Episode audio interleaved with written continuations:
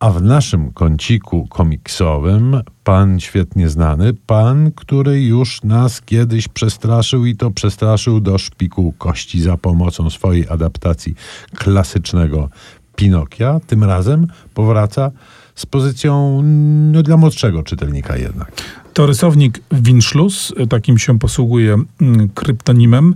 Komiks nazywa się W tajemniczym ciemnym lesie. Także pozostajemy, jak widać, w dendrologicznych klimatach. I to rzeczywiście jest historia adresowana dla, do dzieci.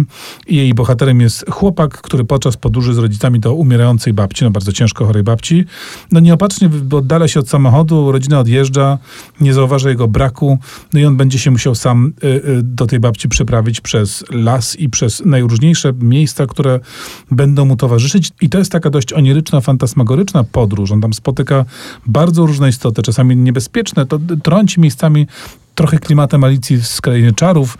Dzieją się rzeczy zupełnie niesamowite, groźne i wspaniałe. I to wszystko narysowane z taką typową winszlusowską, powiedziałbym dość taką agresywną, anarchistyczną kreską. Ale nie bójcie się, kochani, wszystko skończy się dobrze. Tak, kończy się rzeczywiście nieźle, tak jak kończyć się powinna taka historia dla dzieci, a jak już dowiemy się, jak się kończy, to wracamy na te wcześniejsze strony, oglądamy sobie z podziwem te obrazki. Podkreślić trzeba, że o ile Pinokio wbrew pozorom był pozycją absolutnie nie dla e, dzieci, no to rzeczywiście e, w tajemniczym ciemnym lesie nadaje się e, dla właściwie wszystkich w przedziale wiekowym od 5 do 155 lat.